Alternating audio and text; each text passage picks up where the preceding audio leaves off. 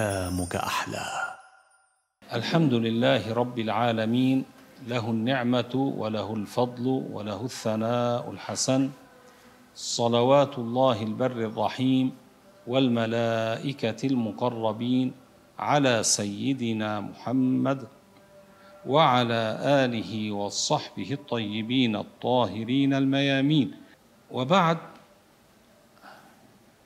وصلنا إلى الكلام على ما يتعلق بالنفقة أحكام النفقة. قال شيخنا رحمه الله يجب على الموسر نفقة أصوله المعسرين أي الآباء والأمهات الفقراء وإن قدروا على الكسب. يعني يجب على الموسر يعني الذي عنده ما يزيد على نفقته. عليه الإنفاق على أصوله المعسرين يعني المعسرين يعني الفقراء كأي الآباء. وإن علوا يعني أبوه أو جده عليه أن ينفق عليه. إذا كان الأب فقيرا أو الجد فقيرا فعليه أن ينفق عليه. والأمهات كذلك. ينفق على والدته وعلى جدته وإن علوا. إذا كانوا فقراء حتى لو كان الأب آه هنا لنتنبه لو كان الأب قادرا على الكسب يعني قادرا على أن يعمل ويحصل حاجته نفقته. لكن الأب قال مثلا أنا لا أريد أن أعمل أنا خلص تقاعدت ما بدي أشتغل. هنا على ولده هو أن يعمل لينفق على أبيه. إذا لم يكن عنده مال يعني عليه أن ينفق على أبيه. لا يقول لأبيه أنت تستطيع أن تعمل اذهب اكتسب واعمل وحصل المال وأنفق على نفسك. لا يجوز حرام. فرض عليه أن ينفق على أبيه. هذا من بر الأب الواجب. وكذلك على أمه أن ينفق عليها. هذا إذا كانوا فقراء.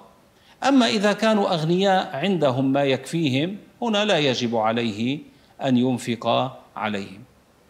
كذلك يجب نفقة فروعه يعني يجب على الموسر الإنفاق على فروعه. ما معنى فروعه؟ يعني أولاده وأولاد أولاده يعني حتى الأحفاد. إذا كان الأب مثلا ليس ليس عنده مثلا متوفى لنقل فالجد ينفق على أولاد أولاده سواء كانوا ذكورا أو إناثا. إذا كانوا ماذا قال؟ إذا أعسروا.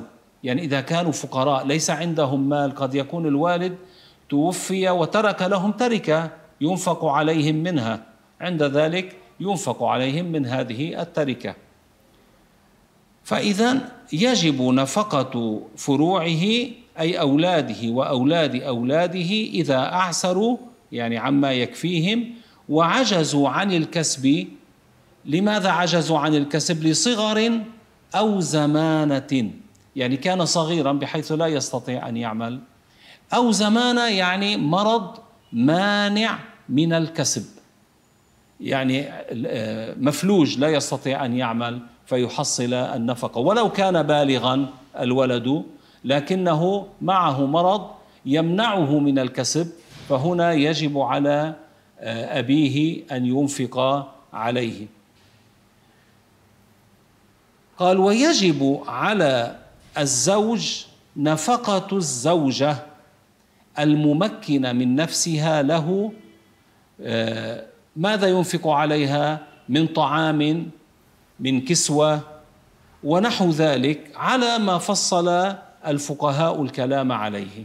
ذكروا ما هي النفقة الواجبة. إذا كان موسرا إذا كان معسرا إذا كان متوسطا ماذا يعطيها من الطعام من القمح مثلا أو الخبز؟ هو يعجن لها هو يعجن ويخبز أو يأتيها بالخبز جاهز. والطعام من اللحم أو الخضار أو الحلوى حتى على ما يليق ما جرت به العادة مثله أن ينفق على زوجته آلة التنظيف المسكن آه، وما تحتاجه آه، مما ذكره الفقهاء في نفقه الزوجة. فهذا يجب على الزوج أن لزوجته أن ينفق عليها هذه النفقة الواجبة. ويجب كذلك على الزوج لزوجته مهرها. يعني إذا استحق المهر إذا كان المهر حال وهي طالبت به عليه أن يعطيها مهرها. اذا كان المهر مؤجلا ومضت المدة مؤجل مثلا إلى عشر سنين وطالبته به عليه أن يعطيها مهرها إذا لم يكن معسرا. وكذلك يجب عليه أي الزوج لزوجته متعة. ما معنى ما المقصود بالمتعة؟ هي مقدار من المال يدفعه لها إن وقع الفراق بينهما آه، بغير سبب منها. يعني مثلا إذا طلقها هو لسوء خلقها آه، فهنا يعطيها متعة. هذا لا يعد سببا منها يعني سبب الفراق هو أنه طلقها. لو كانت هي خلقها سيء لكن ما هو سبب الفراق؟ هو الطلاق. فهنا يعطيها متعة. يعني سواء طلقها لسوء خلقها أو ليس لسوء خلقها هنا يعطيها متعة. يعني قدرا من المال يتفقان عليه غير المهر زيادة على المهر. فإن لم يتفقا القاضي يعين ما يعطيها. أما مثلا كيف يكون آه، الفراق بسبب منها وبالتالي لا يعطيها متعة؟ إذا هي ارتدت عن الإسلام وبقيت على الردة إلى انقضاء العدة. وقعت بالكفر سبت الله مثلا اعترضت على الله مثلا. فوقعت في الكفر آه، ولم ترجع إلى الإسلام حتى مضت العدة. هنا سبب الفراق من من؟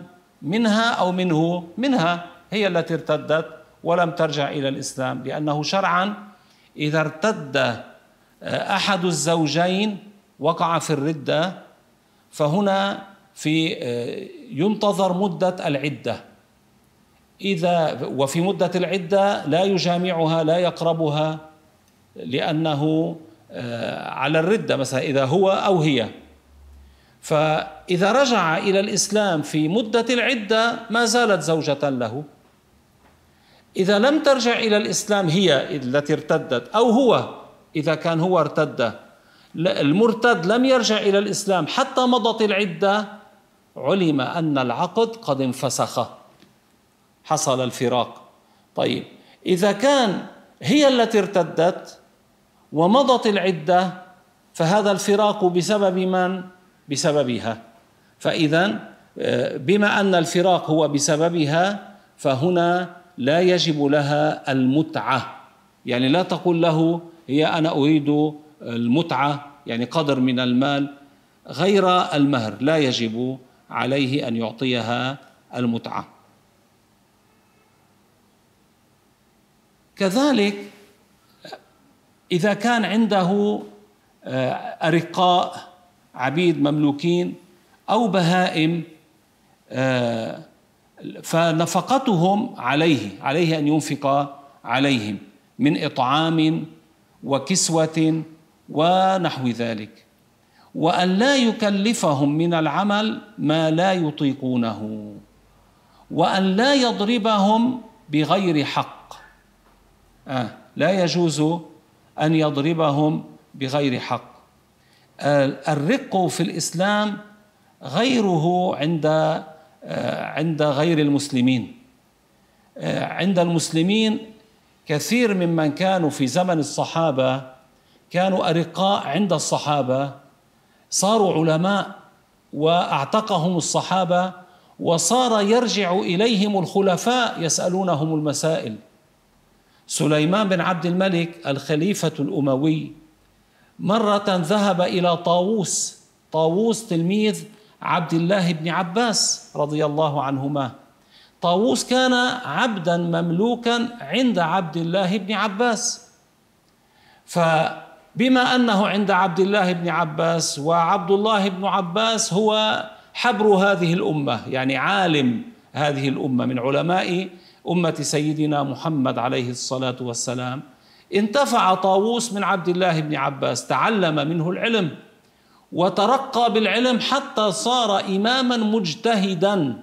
يعني كيف الإمام الشافعي كيف الإمام آه، أبي أبو حنيفة؟ هكذا. يعني صار اماما مجتهدا حتى صار يقصد للمسائل. فمن أتاه؟ سليمان بن عبد الملك. الخليفة. وكان العلماء لهم هيبة في ذلك الوقت هيبة عظيمة. فسليمان بن عبد الملك الذي هو خليفة أتى يسأله وطاووس يعني أجابه آه، ولم يعني أجابه على هيئة معينة لنقل. فماذا قال سليمان لولده؟ قال له يا بني تعلم فوالله لا أنسى الذل الذي لقيته عند هذا العبد يعني على اعتبار ما كان عليه ف فانظروا كيف أنهم كانوا كانوا أرقاء لكن بعد ذلك صاروا إيش؟ صاروا علماء صاروا من أكابر العلماء بسبب أنهم كانوا أرقاء عند أمثال عبد الله بن عباس هؤلاء الصحابة الكرام. فإذا فرق بين الرق في الإسلام والرق عند غير المسلمين من حيث التعامل من حيث الفرض بالشرع. لا يجوز أن تضربه بغير حق. لا يجوز أن تجيعه. لا يجوز أن تتركه من غير أن تعطيه ما يحتاجه من النفقة ونحو ذلك. ويجب على الزوجة طاعته يعني طاعة زوجها في نفسها. يعني إذا طلبها للاستمتاع لا تمنعه من نفسها إذا لم تكن معذورة. آه، حتى لو طلب لها أن تتزين له وجب عليها أن تتزين له. وتعامله على ما يليق ما ينبغي فلا تمنعه من نفسها. حرام. إلا فيما لا يحل ما لا يجوز. فمثلا لا تطيعه إذا أراد آه، أن يطأها في حال الحيض وهي في حال الحيض والنفاس لا يجوز أن آه، تطيعه في ذلك. هي معذورة. وكذلك يجب عليها أن لا تصوم النفل وهو حاضر في البلد إلا بإذنه. الصيام إما أن يكون صيام فرض مثل رمضان أو صيام نفل. الفرض تصومه في وقته. أما النفل مثلا اثنين وخميس لنقل هو هي صائمة وهو طلبها للاستمتاع فأليس تقول له مثلا قد تقول له أنا صائمة فيحصل شيء؟ فلذلك لا تصوم النفل وهو حاضر يعني ليس مسافرا إلا بإذنه. كذلك لا تخرج من بيته لغير ضرورة إلا بإذنه. يعني لا تخرج من البيت بغير إذنه. إلا إذا كان هناك ضرورة. ضرورة كأن خشيت على نفسها من اللصوص آه، أو نحو ذلك. هناك أمر ضروري تحتاجه فخرجت لأجله وهو كان لا آه، يعني لا يحصل لها هذا الأمر الضروري. فإذا آه، هذا الكلام على النفقة الواجبة للأصل والفرع وللزوجة ولحتى للبهائم. ف وهذا أمر لابد للمرء قبل أن يدخل فيه أن يتعلمه. قبل أن يتزوج يتعلم الأحكام حتى يعرف ماذا يجب عليه لأجل والديه لأجل أولاده يتعلم ما هي الأحكام. أسأل الله العلي القدير أن يفقهنا في الدين وأن يجعلنا من الذين يستمعون القول فيتبعون أحسنه. إنه على ما نسأله قدير. وسبحان الله والحمد لله رب العالمين. وصلى الله وسلم على سيدنا محمد